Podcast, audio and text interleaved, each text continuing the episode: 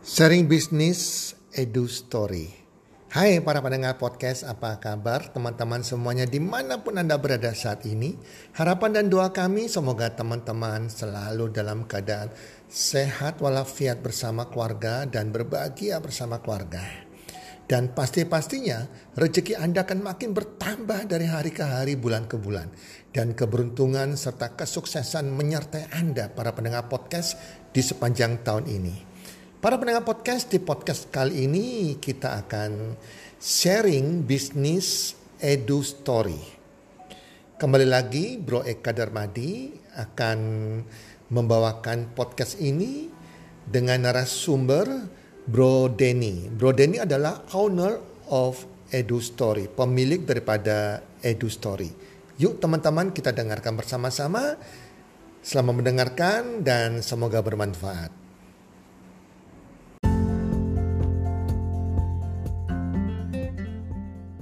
Halo semua, pada episode podcast kita kali ini dengan judul Sharing Business Edu Story. Nah, teman-teman, pada kesempatan kali ini saya mengundang Ko Denny sebagai founder daripada Edu Story. Halo, Halo. Ko Denny. Halo Eka, halo teman-teman dan pendengar-pendengar yang lainnya. Apa kabar? Thank you ya Ko udah meluangkan waktu untuk hadir dan mengisi di podcast kita kali ini ya Ko ya. Ya, sama-sama. Thank you juga udah diundang berkesempatan untuk sharing di tempat ini. Thank you. Oke, nah kok mungkin Koko bisa share ke kita nih, para audiens ini. Edu Story itu apa sih? Jadi mungkin kan para pendengar di sini kan ada yang belum mengetahui tentang Edu Story, Ko. Ah, oke. Okay. Edu Story itu kalau kita ngomong sebetulnya gampangannya sih bahasa umumnya itu learning center atau tempat les gitu ya uh, kita memang fokusnya di anak usia 3 tahun uh, sampai anak usia SD sebetulnya. Cuman kita yang terbaru memang kita sudah ada program untuk anak-anak SMP karena kebanyakan mereka adalah lanjutan dari murid-murid yang sudah dari dulu les dari SD terus sekarang SMP mereka tetap sama kita gitu. Cuman mainly fokusnya kita memang lebih ke anak usia 3 tahun sampai SD gitu. Oke, nah kok bisa diceritain nggak ide awalnya Koko ini mau bikin bisnis ini itu dari mana kok? Ah, oke. Okay. Kalau cerita ini cukup panjang sebetulnya, tapi saya akan coba singkat ya. Aku akan coba lebih singkat. Jadi um, intinya sih kira-kira tahun 2008 itu um, istriku yang waktu itu belum jadi istriku, nah, itu tiba-tiba um, kepingin mengajar karena dia suka sama anak-anak, dia kepingin mengajar dan dia melamar di salah satu sekolah yang waktu itu uh, akhirnya aku lihat ketika ngajar ngajar loh kok ini ya istilahnya berbuah ya tanda kutipnya gitu aku lihat orangnya passionate sekali terus uh, aku lihat murid-muridnya juga cocok sama dia gitu dengan ya walaupun setiap guru pasti punya style ngajar sendiri-sendiri. Nah berjalannya waktu memang akhirnya 2011 kita menikah itu waktu sebelum menikah aku udah ngomong memang waktu 2010 kan uh, aku sebetulnya bikin IO tuh Nah, ngomong, eh kamu nggak usah ikuti, oh nggak apa-apa. Ini les-lesan diterusin aja gitu.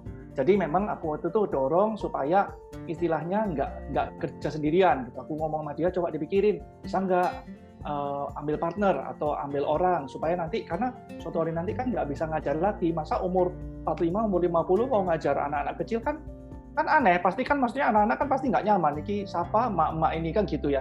Jadi um, akhirnya aku arahkan ke sana gitu. Walaupun waktu itu jujur belum belajar bisnis. Nggak tahu banyak soal kayak beginian. Cuman sesederhana itu pemikiran awalnya. Singkat ceritanya berjalan semua uh, di tahun 2014 2015 IO mengalami kemunduran yang sangat gitu uh, sampai akhirnya aku putuskan memang untuk melepaskan. Nah, di 2016 itu banyak berpikir dan banyak uh, waktu itu ikut tuh satu komunitas di gerejaku yang kebetulan ada namanya My Entrepreneurial Journey. Jadi itu kayak belajar bisnis, itu di sana aku belajar dari start, oh bangun bisnis kayak begini ya, dan keputuskan memang uh, Edu Story ini yang dimasukkan ke dalamnya. Uh, waktu dulu awal-awal namanya belum Edu Story, uh, aku lupa namanya apa gitu, Match Match Learning Center kalau nggak salah dulu namanya. Terus uh, timbullah nama Edu Story, terus akhirnya Edu Story ini yang dimasukkan ke MEJ untuk belajar. Nah, singkat ceritanya 2017 keputuskan untuk fokus 100% mulai jump in ke EduStory, banyak urusin manajemennya, dan 2018, nah ceritanya 2018 memang kita dikaruniai Tuhan untuk kita bisa punya cabang apa ya cabang pertama lah kalau aku bilangnya karena dulu kan kita ngajarnya di rumahku sendiri nih Nah ini uh, dapat cabang di Jiwok itu pertama kalinya terus berkembanglah Edu Story sampai sekarang. Jadi kalau dibilang ide awalnya dari mana, sebetulnya lebih ke arah ini kesukaan istriku sih gitu. Dan aku melihat dia berbuah di situ dan ini baik gitu. Jadi uh, kenapa tidak di, di apa ya dibikin sesuatu yang lebih serius? Kenapa nggak dibikin sesuatu yang lebih istilahnya bisa memberkati banyak orang? Istilahnya kayak gitu sih pemikirannya begitu. Kalau awalnya kurang lebih kayak begitu ya kak. Oke okay, thank you ko nah kalau misalnya visi dan misinya sendiri ini kayak gimana ko nah oke. Okay. visi dan misi. Ya ini menarik ini. Jadi hmm, karena kita bergerak di dunia edukasi, jadi sebetulnya visi itu terus berkembang. Dulu awalnya cuma sekedar uh, istilahnya punya tempat les. Ya dulu ya istilahnya bukan punya tempat les lah istilahnya ngelesin gitu kan.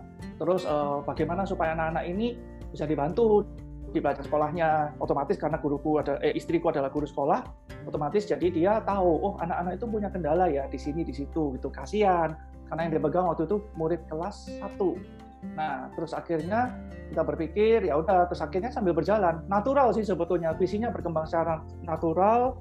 Uh, kita akhirnya mulai banyak bicara soal edukasi. Nah, dunia edukasi ini sangat menarik karena um, dari dulu sih memang sebetulnya kenapa kayak aku kerja IO dan segala macam itu uh, sukanya kerja sesuatu yang ada yang ada apa istilahnya ya ada impactnya gitu yang ada impact positifnya. Jadi nggak cuma sekedar cari uang misalnya kayak gitu jadi visinya lama-lama semakin lama semakin berkembang. Uh, intinya sih sebetulnya kalau aku boleh ngomong di satu kalimat yang sederhana, uh, kita sebetulnya adalah membantu anak-anak zaman sekarang, ya. Karena kita tahu mungkin um, kalau yang ngikutin gitu 2030 sampai 2045 itu krusial buat Indonesia karena kita ada bonus demografi yang sangat besar di mana anak mudanya nanti banyak sekali. Lah anak muda itu yang mana? Ya termasuk satunya ya yang sekarang sedang kita ajar ini yang usianya masih tiga tahun, lima tahun, itu kan 10 tahun lagi udah remaja, 20 tahun lagi udah jadi orang dewasa bekerja. Sementara kita di usia itu kan kita udah nggak bisa ngapa-ngapain, ceritanya kan kayak gitu kan. Istilahnya mau jadi apa Indonesia atau mau jadi apa kita kalau anak-anak di masa itu tidak menjadi seorang orang yang kuat gitu, yang tangguh. Jadi eh, tertariknya di situ. Edukasi ini nggak cuma ngomong soal apa ya nggak cuma ngomong soal akademik soalnya. Karena menurutku akademik itu hanya sebagian kecil dari edukasi. Karena nanti ada attitude di sana ada parenting kalau berhubungan dengan orang tua ada macam-macam sih. Jadi kalau disambungkan dengan misinya akhirnya sebetulnya uh, EduStory ini kami belajar dari teman-teman yang memang bergerak di dunia edukasi bahwa sebetulnya faktor terbesar di dunia pendidikan itu kan ada tiga sebetulnya yaitu yang pertama adalah orang tua, yang kedua adalah guru di sekolah atau guru di mana pun, yang ketiga adalah anak itu sendiri. Sebetulnya ada satu lagi yang kita tidak bisa kendalikan yaitu masyarakat. Nah, e, misinya itu story sih kita bisa bergerak di paling enggak tiga areal ini dulu. E, orang tua, guru, dan murid.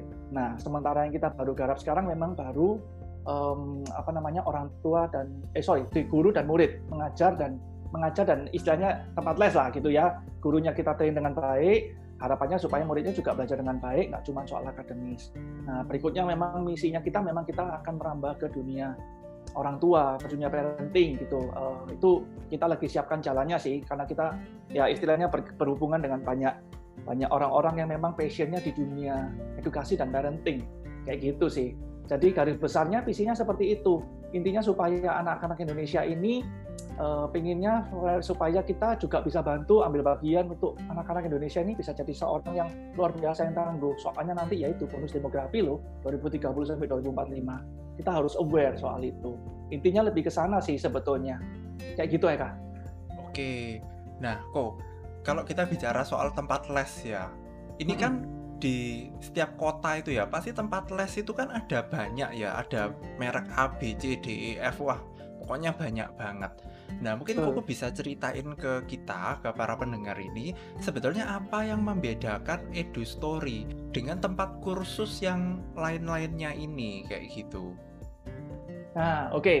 nah ini pertanyaan yang menarik juga gitu. Um, karena gini sebetulnya kalau kita ngomong kayak tadi Eka ngomong bahwa sebetulnya tempat les itu banyak sekali di tempat lain itu banyak sekali tempat les. Uh, semua punya value-nya sendiri-sendiri ya. Jadi kalau kita bilang apa yang membedakan Edu Story nah um, kalau secara value uh, aku sharing ini bukan dalam bukan dalam konteks bahwa oh kita punya ini tempat lain tidak punya tempat ini gitu ya. Aku juga nggak tahu karena aku percaya semua orang yang bergerak di dunia pendidikan punya tujuan dan maksud yang baik. Cuman uh, mungkin lebih enaknya kita lebih ngomong ke soal value apa gitu ya yang industri punya. Nah value-nya sebetulnya balik yang tadi seperti aku sharing di pertanyaan sebelumnya bahwa kita concern-nya nggak cuma soal edukasi eh, sorry nggak cuma soal akademis nah sorry aku salah ngomong ya tidak cuma soal akademis karena akademis itu sangat related dengan skor. Biasanya memang ada banyak yang um, apa ya jadinya hanya mengejar skor, mengejar nilai. Itu sesuatu yang menurutku ada sisi benarnya juga, tapi juga tidak bisa seperti itu gitu. Karena uh, ke depan kalau kami orang-orang yang ada di Susori kami percaya bahwa uh, anak-anak itu tidak dibentuk hanya dari nilai gitu. Tidak hanya dibentuk dari nilai sekolah ya nilai akademis gitu. Tapi ada nilai-nilai yang lain yang mereka harus punya. Nilai-nilai yang berhubungan dengan attitude, yang berhubungan dengan moral, yang berhubungan dengan bagaimana cara menghadapi teman-teman, menghadapi orang tua, semuanya itu mereka harus ada gitu karena kita percaya ya di, di kita bisa jadi seperti sekarang ini karena dulu juga kita ini hasil didikan orang tua yang nggak cuma ngomong soal akademis.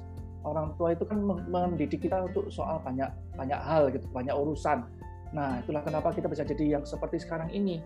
Nah, jadi salah satu value yang kita sangat pegang kuat dan saya selalu tekankan ke guru-guru, kami semua leader selalu tekankan ke guru-guru adalah kita nggak cuma ngelesin, kita ini harus care sama mereka eh, anak-anak punya kehidupan. Itulah kenapa kalau konsepnya di Story kita punya satu program namanya Learning Coach itu basically itu sebetulnya adalah sebuah les private tapi kita memang tetapkan satu guru untuk satu murid. Jadi satu murid tidak akan dipegang oleh banyak guru. Karena tujuannya apa? Tujuannya supaya guru bisa memantau. Oh, anak ini perkembangannya begini, ke sini, ke situ. Walaupun pegangnya beberapa beberapa mata pelajaran gitu ya. Karena diperhatikan juga sisi itunya. Terus eh, biasanya guru-guru kami push untuk berkoordinasi dengan orang tua. Sangat intens sih sebetulnya, karena setiap kali selesai les, biasanya ada report dalam bentuk WhatsApp. Kalau diperlukan, mereka akan menelepon orang tua. Kalau ada yang perlu disampaikan secara telepon, atau kalau kebetulan orang tuanya nganter ke tempat ya kita temuin. Biasanya gitu. Gurunya akan menemui langsung.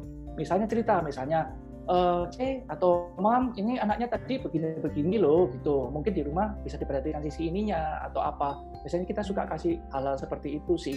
Itu salah satu poin pembeda menurut yang kita experience ya nggak hmm, tahu sih tempat lain mungkin ada yang melakukan hal yang seperti itu juga tapi itu value yang kita punya yang kedua, um, mungkin karena kebetulan aku ini jebolan uh, desain, jebolan IO juga. Jadi apa ya, saya banyak bersentuhan dengan dunia art.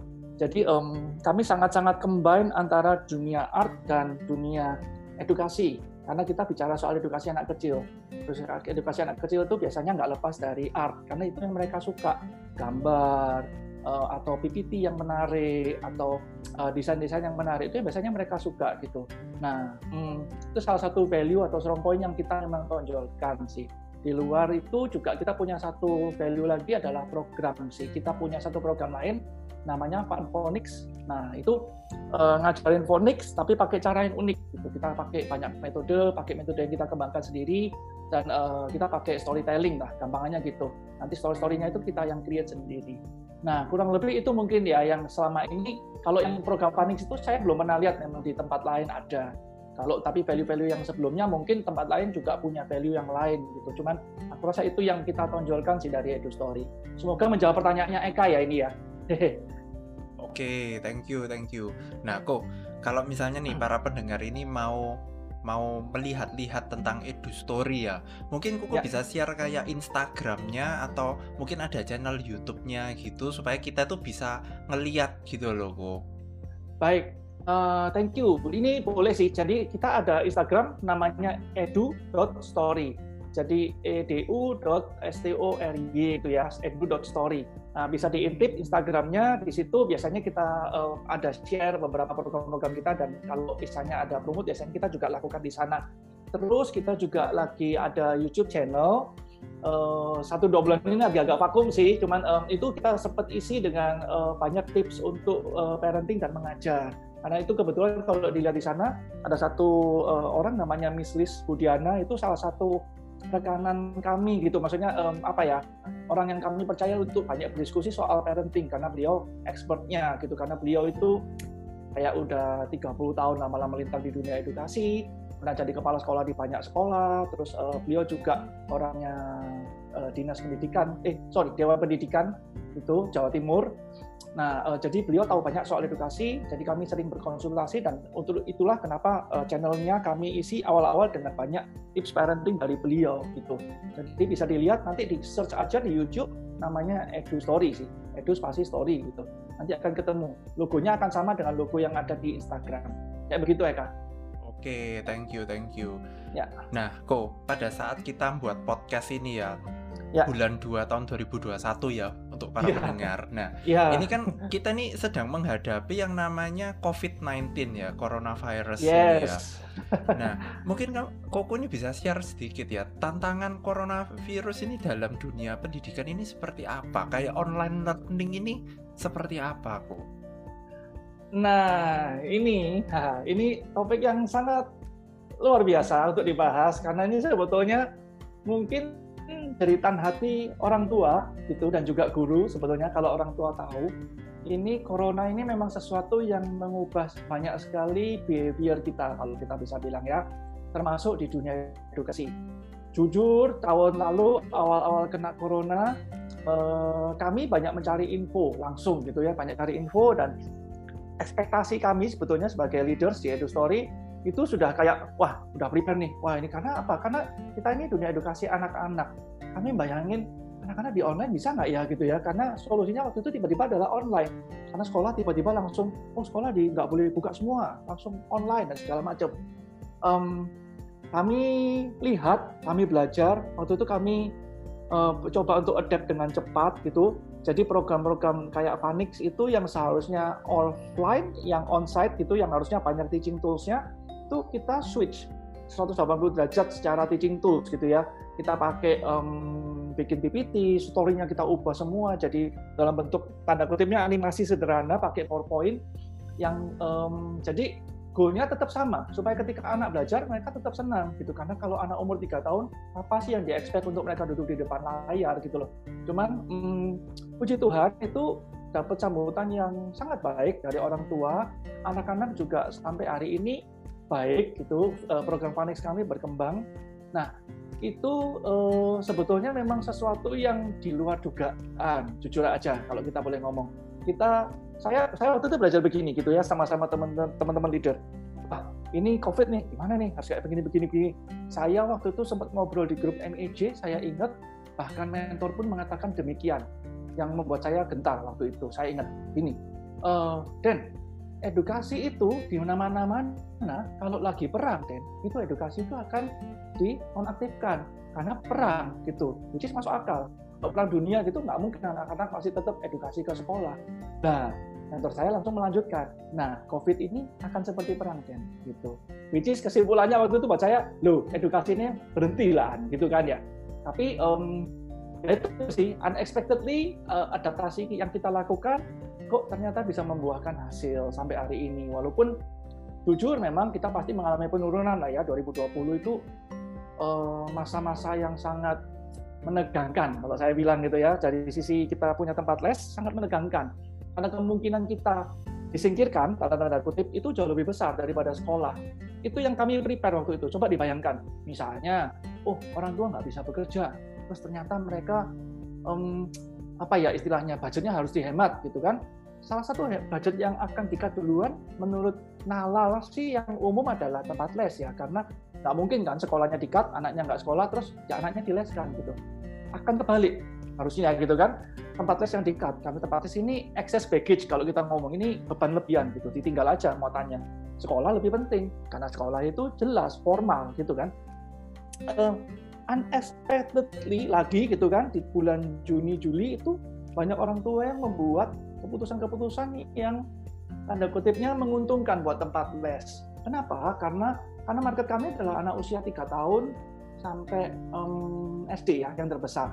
Nah, orang tua orang tua itu setelah beberapa bulan mengalami kendala dalam anaknya beronline school. Kalau terutama kalau anaknya masih usia di bawah lima tahun, itu mungkin mereka wah ini gimana ya? Anakku online school nggak bisa nggak dapat apa-apa dan segala macam nah itu yang membuat mereka memutuskan anaknya udah anakku nggak sekolah dulu deh itu anakku yang tiga tahun mau masuk TK nggak usah masuk dulu deh atau yang mau masuk playgroup nggak usah masuk dulu deh.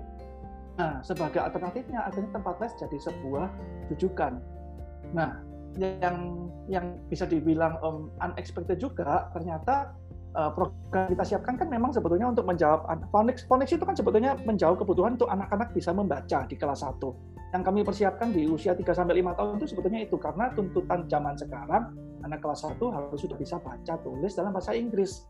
Nah, sementara waktu istri saya dulu ngajar kelas 1, udah banyak yang nggak bisa baca. Sementara mereka bacanya udah nggak diajarin, mereka udah disodorin bacaan, sudah disodorin materi-materi berbahasa Inggris gitu kan.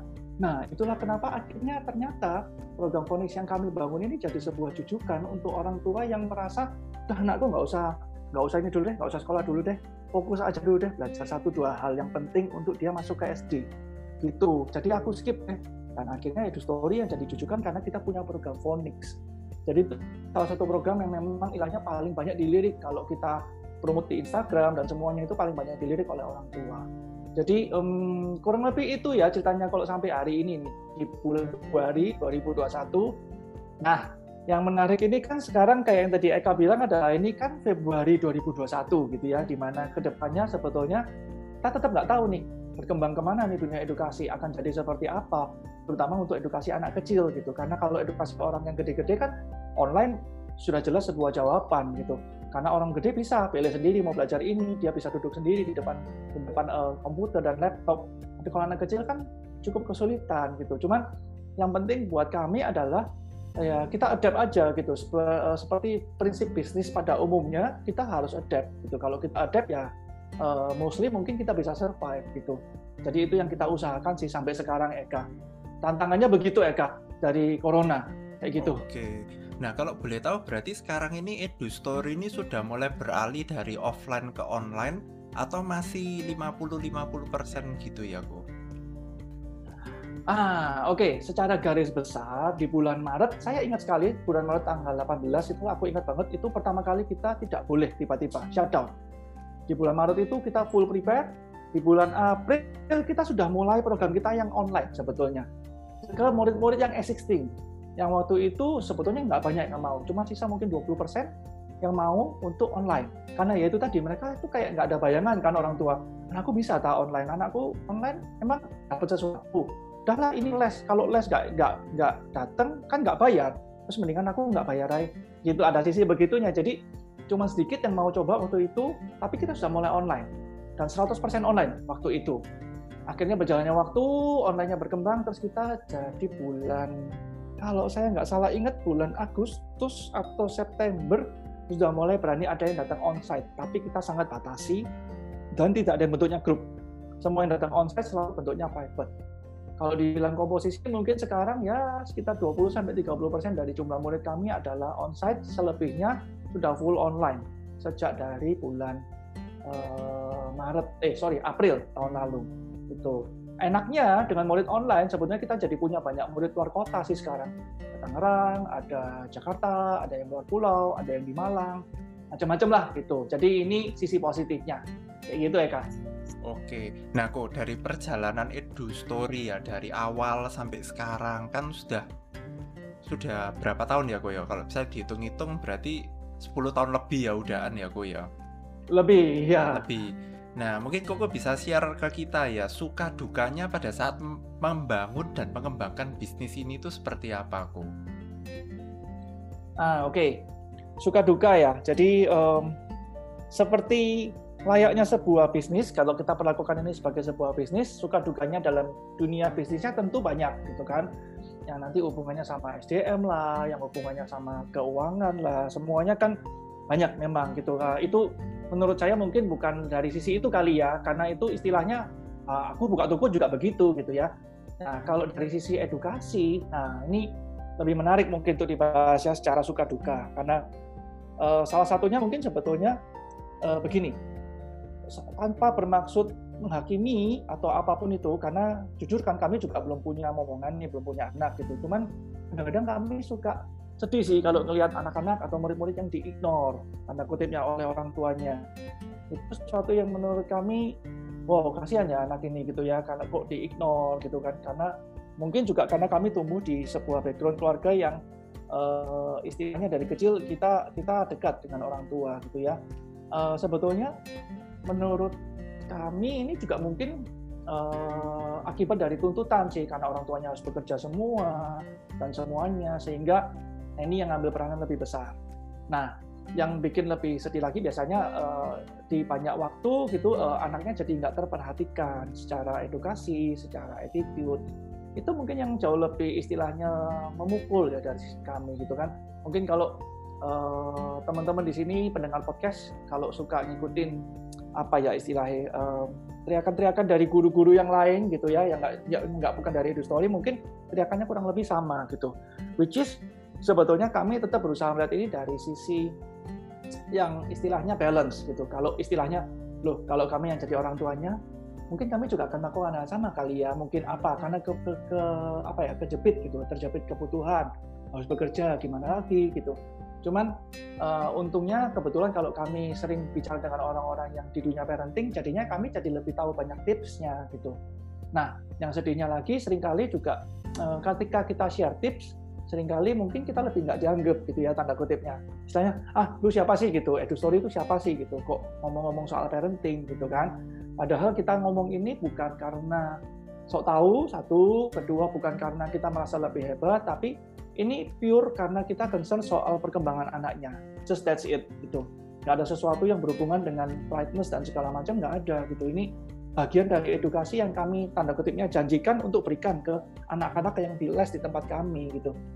Ada banyak parents yang kami bisa ajak kerjasama. Itu yang kami suka, itu yang kami sangat bersyukur. Kerjasama dalam artian, ayo anaknya nanti eh, dibantu seperti ini ya gitu. Seorang tuanya mau gitu. Walaupun orang tua orang tua ini juga bukan orang tua orang tua yang nganggur gitu mereka juga punya bisnis mereka juga bekerja ada yang kerja sama orang juga tapi uh, kami suka uh, masih ada sih ternyata gitu orang tua orang tua yang uh, care sama perkembangan anaknya nggak cuma sekedar ditaruh di tempat les yang penting istilahnya uh, sekolahnya dapat nilainya bagus grade-nya dapat A atau B terus selesai gitu karena kami tahu bahwa kami ini bekerja untuk istilahnya itu uh, barang hidup ya, benda hidup gitu. Anak-anak itu kan sesuatu yang hidup. Anak-anak itu kan sesuatu yang dipercayakan ke kami, ke kita, baik kita orang tua maupun guru.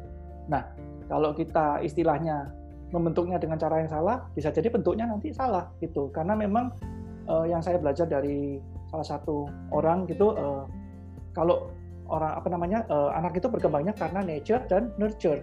Di mana sebetulnya nature karakter bawaan itu ternyata nggak sebesar peran nurture, di mana orang tua kalau nurture itu jauh lebih penting, karena itu yang jauh lebih membentuk karakter anak sebetulnya.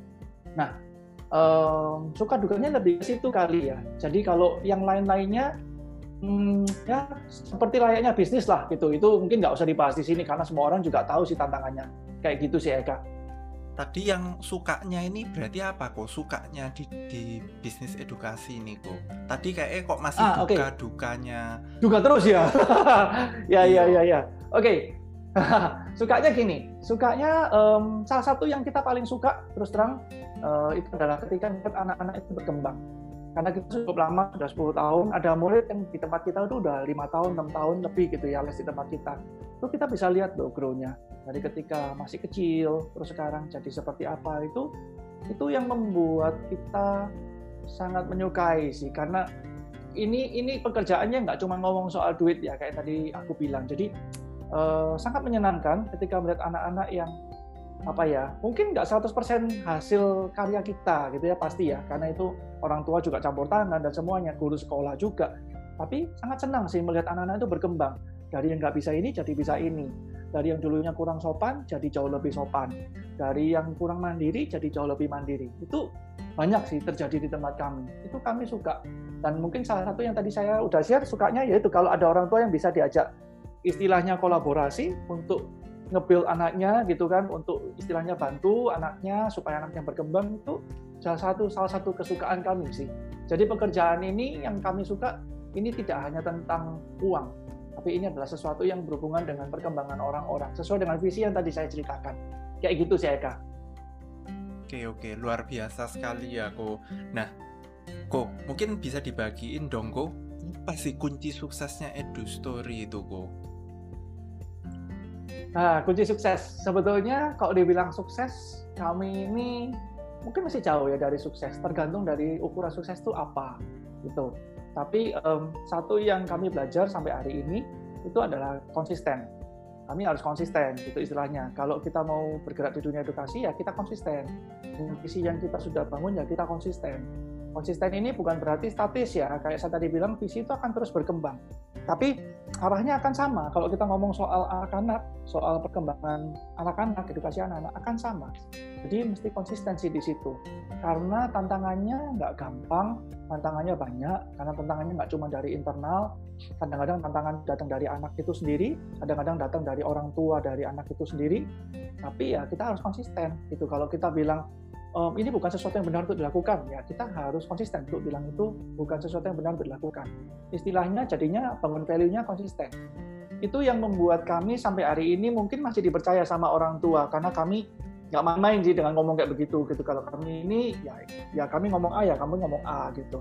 Dan biasanya uh, guru itu yang sering jadi sasaran juga kan, oh dimarahin orang tua gini gini gini. Nah biasanya kami juga punya value-value untuk uh, guru ini bagian dari tim, bagian dari keluarga gitu. Jadi kami nggak akan cepat judge guru kami hanya karena orang tua itu yang membayar kami, yang kasih uang kami, dan kami yang kasih uang ke guru gitu.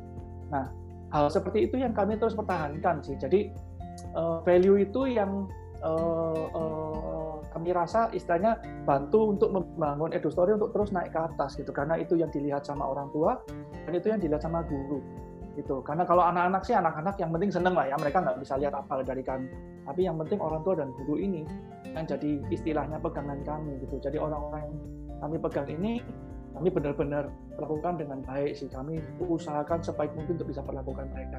Mungkin itu sih kali Eka ya. Oke oke. Nah, kok aku ini barusan ingat sebuah ilustrasi ya, kok ya, sebuah ilustrasi. Ya. Nah, ilustrasinya itu seperti ini, kok. Kalau misalnya anak zaman 90-an ke bawah, ya kan. Kalau ya. misalnya mendapatkan nilai sekolah yang jelek, orang tua cenderung akan marah ke anak. Iya. Nah, tapi ini ilustrasi ya. Katanya kalau generasi yang di atasnya itu ketika anak dapat nilai jelek, marah malah orang tua yang menyalahkan pengajar. Nah, menanggapi menanggapi fenomena seperti ini apa kok?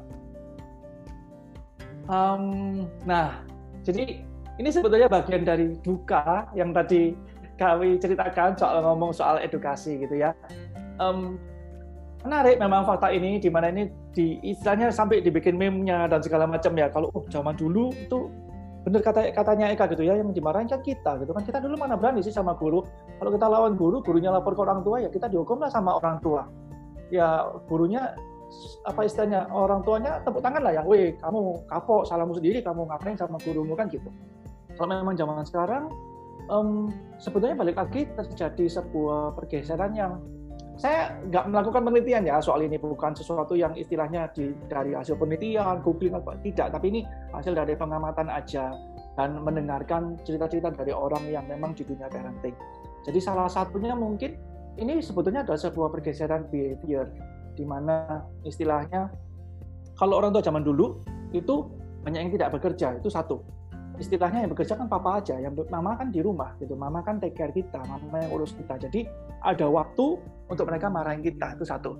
Kedua, legacy behavior lagi yang terjadi adalah karena zaman dulu kebanyakan orang tua yang jadi jam orang orang-orang yang jadi orang tua zaman sekarang adalah produk dari zaman dulu di mana orang tuanya tuh susah mungkin cari duitnya susah pekerjaannya harus keras segala macam itu yang membuat mereka akhirnya gini waduh sekarang aku sudah enak nih cari uangnya aku nggak mau anakku susah seperti aku kecil dulu. Gitu ya. Bagus sebetulnya intinya. Uh, insight-nya gitu bagus kalau aku dengerin dari teman-teman yang sharing dari parenting parenting jadi karena itu akhirnya tanda kutipnya anaknya diprotek. Itu anaknya nggak boleh susah. Dimarahin guru itu sesuatu yang menyusahkan gitu. Karena mungkin bayangin dulu waktu kecil dimarahin guru susah. Nah terus akhirnya diprotek lah anaknya. Jadi sebetulnya ini hal-hal yang terjadi karena sebuah pergeseran behavior yang cukup wajar menurutku. Nah menyikapi hal ini sebetulnya um, gampang dan tidak gampang. Tapi istilahnya gini, selalu ada hal yang kita tidak bisa kendalikan dan ada hal yang bisa kendalikan. Orang tua itu tidak bisa kita kendalikan. Tapi kalau diri kita sendiri bisa kita kendalikan. Nama artian, ya jangan bosan-bosan untuk mengingatkan orang tua kalau kita guru. Itu yang selalu saya selalu kasih pesan ke teman-teman guru semuanya. Kita nggak boleh bosan-bosan mengingatkan orang tua. Janganlah kita kurang ajar sama orang tua, gitu Uh, satu karena mereka orang tua dari anak itu, which is kita bukan. Yang kedua adalah karena mereka customer kalau kita lihat dari sisi bisnis. Tapi uh, tetap harus dikasih tahu gitu, karena ini bukan sesuatu yang baik untuk anak mereka ketika mereka nanti besar. Gitu. Karena kalau suka mendengarkan atau lihat YouTube-nya kayak Simon Sinek dan segala macam, itu dia banyak sekali ngomong soal leadership dan parenting yang hubungannya sama kayak begini-begini nih oh generasi milenial, kenapa generasi milenial jadi seperti ini, seperti itu. Sebenarnya kalau teman-teman di sini suka lihat YouTube atau dengerin kayak apa ya eh, sharing-sharing dari satu orang namanya Simon Sinek, itu menurut saya sangat luar biasa karena beliau pemikir yang luar biasa dan beliau banyak bicara sebetulnya tentang generasi milenials tentang kenapa sih orang kerja zaman sekarang itu jadi kayak begini-begini. Ini produk dari apa sih? Kenapa dulu dia kecilnya parentingnya seperti apa? Waktu di sekolah dilakukan seperti apa? Sebetulnya hal-hal itu yang kita perlu lihat. Karena tanda kutipnya gini kami bisa konsisten untuk ngomong ke orang tua eh, istilahnya bersikap atas meme yang tadi itu yang di mana katanya zaman sekarang orang tua lebih belain anak dan marahin gurunya itu kami bisa bersikap begitu karena kami melihat gitu banyak hal yang sudah dianalisa oleh orang lain. Eh ini loh orang sekarang itu bekerja jadi kayak begini nih generasi mudanya itu karena hasil dari parenting yang seperti ini gitu. Itulah kenapa kita lihat, oh oke, okay, berarti yang parenting seperti ini sebaiknya jangan walaupun kita belum jadi parents. Tapi oke, okay, sebaiknya jangan. Oke okay lah, karena jangan ya kita ngomong, karena ini dunia edukasi. Karena ini dunia bukan dunia di mana yang penting klien saya senang dan klien saya tetap bayar saya gitu. Karena menurut saya itu jadi nggak terlalu penting akhirnya kalau dibandingkan dengan value yang kita share. Jadi uh, sikapnya ya itu sih harus konsisten sih untuk ngomongin orang tua hal-hal seperti ini. Itu sih Eka kalau menurut kami ya itu. Oke oke. Nah pertanyaan terakhir nih ya kan Pokoknya ya, ada ya. quotes atau kata-kata motivasi apa enggak sih untuk para pendengar ini, Ko? Ah, ah baik. Oke. Okay. Jadi uh, saya nggak pandai ber, bermotivasi gitu ya. Jadi saya bukan motivator, tapi intinya begini. Apa pun yang kita kerjakan gitu ya, apa pun yang teman-teman uh, pendengar sedang kerjakan hari-hari ini, baik teman-teman mungkin masih sedang studi atau masih sedang istilahnya membangun sebuah bisnis atau sedang bekerja di tempat lain itu apa ya ada hal-hal yang kita harus lalui memang itu ya. Jadi kalau saya dulu eh, pernah pernah istilahnya menyimpulkan itu ada beberapa hal yang pernah harus kita lalui memang. Yang pertama itu belajar karena kita harus belajar untuk melakukan sesuatu itu ya. Eh, perumpamaannya kan Nah, mungkin kan kita berenang tanpa kita belajar untuk berenang atau kita nyetir tanpa kita belajar untuk nyetir. Jadi semua semuanya itu ada sesuatu yang harus kita lakukan pelajari dulu sebelum lakukan. Itu penting nomor satu. Itu yang kita nggak bosan-bosan dan nggak akan habis sampai kita mati. Itu belajar. Yang kedua itu harus uh, memutuskan untuk take action gitu ya karena uh, nggak bisa sih kalau cuma belajar harus dilakukan. Kita harus istilahnya punya keberanian untuk melangkah walaupun nggak ada kok orang mulai bisnis menurut saya yang 100 100% yakin bahwa bisnisnya itu akan sukses. Itu atau nggak. Nah, yakin bahwa dia akan lulus dengan nilai cum di kuliah itu. Semuanya semua itu hanya terjadi karena satu dia suka terus ya udah dia udah pelajarin oh oke okay, ini kuliahnya kayak begini begini begini. Nah, udah aku mau kuliah itu diputuskan. Atau aku mau berbisnis ini. Itu wajib menurut saya karena kalau menurut mentor gitu uh, belajar tanpa action itu nonsense gitu ya. Which is to make sense. Jadi uh, bisa hanya belajar. Tapi pelajarilah dulu. Kalau saya balik lagi jangan lupa dipelajari dulu. Karena ada banyak orang putus kuliah karena tidak dipelajari kuliahnya apa. Tiba-tiba dia nyemplung aja terus akhirnya ya udah putus di tengah jalan gitu. Ya lah kuliahnya ternyata begini toh. Nah kan salahnya siapa gitu kan? Ya lah berendang ternyata begini toh terus tenggelam. Toh salahnya siapa? Gitu. Terus uh, saat uh, value lagi value ketiga yang saya pegang adalah uh, punyailah apa ya tujuan yang besar itu tujuan yang lebih besar daripada sekedar uang yang lebih besar daripada daripada sekedar lulus sekolah. Karena hidup ini nggak tentang lulus sekolah. Hidup ini juga bukan tentang uang.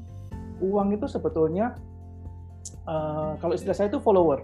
Karena tujuan yang lebih besar itulah sebetulnya leadernya itu yang memimpin kita untuk melakukan segala sesuatu itu tidak setengah-setengah. Itu yang saya belajar seumur hidup saya gitu.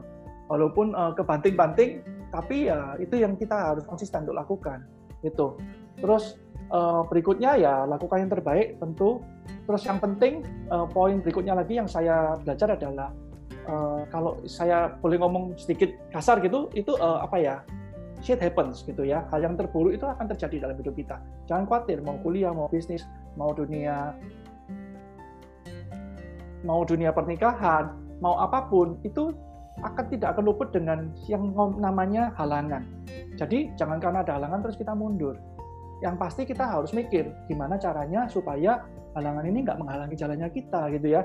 Tapi eh, jangan mundur. Terus eh, berikutnya adalah mentor. Itu kita perlu punya mentors. Kayak kami ini berkembang jujur karena ada mentors. Ya, jadi uh, mentor itu sangat penting. Kelilingilah diri kita dengan mentor-mentor yang positif, mentor-mentor yang tahu tentang kita yang bisa bantu kita untuk berkembang, baik di dunia edukasi, di dunia maksudnya di dunia belajar ya, kalau lagi kuliah atau SMA atau di, lagi bikin bisnis atau bekerja di tempat lain, apa pun itu. Yang saya belajar kalau dari Simon Sinek itu dia bilang bahwa saya masuk kerja itu tidak mencari gaji, tapi saya mencari leader yang bisa mementoring saya, which is menurut saya itu very true dan itu sangat penting untuk perkembangan kita ke depan. Terus jangan bosan-bosan cari partner karena kita nggak bisa jalan sendiri sekarang harus kolaborasi. Dan yang terakhir berdoa. Itu berdoa ini bukan tidak penting tapi eh, penting sekali justru gitu. Karena menurut saya doa ini pamungkasnya. Ada banyak orang yang berpikir bahwa berdoa aja cukup tapi ternyata nggak cukup. Harus action. Tapi action saja itu sangat tidak cukup teman-teman. Kita harus berdoa. Karena yang ngatur semuanya itu Tuhan tapi balik lagi, percuma kalau sudah diatur Tuhan terus kita nggak action, kita nggak lakukan sesuatu. Itu nonsense. Itu Tuhan tidak bekerja dengan cara seperti itu. Kasarannya Tuhan tidak menjatuhkan uang itu dari langit atau Tuhan tidak menjatuhkan kepintaran itu dari langit. We have to earn it. Itu kurang lebih itu sih ya. Apa pun yang dihadapi teman-teman di sini, um, semoga apa yang saya sharingkan di sini bisa jadi sesuatu yang memberkati, yang bisa empower teman-teman juga di sini, apa pun yang teman-teman sedang lakukan, apa pun situasi yang teman-teman sedang hadapi hari-hari ini, terutama di zaman corona ini. Begitu Eka, kurang lebih. Wow, keren, keren. Thank you banget ya, Ko ya sudah meluangkan waktu di episode podcast kita kali ini ya. Nah, untuk ya, para ya, pendengar. sama-sama Eka. Nah, untuk para pendengar, ini sekian episode kita kali ini. Sampai jumpa di episode-episode podcast kami selanjutnya. Dadah. Ya, bye-bye. Bye-bye semuanya.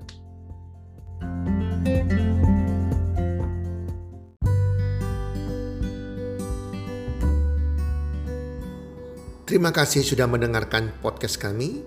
Teman, jika Anda rasa bermanfaat podcast kami ini, Anda bisa menginfokan kepada rekan kerja Anda, keluarga Anda, teman ataupun sahabat Anda. Dan jika ada hal-hal yang Anda ingin tanyakan kepada kami, ataupun topik-topik apa yang Anda ingin kami bawakan, kami sampaikan, Anda bisa DM kami di Instagram kami healthcommunity.id. Salam one two three, salam sehat, sejahtera dan bahagia.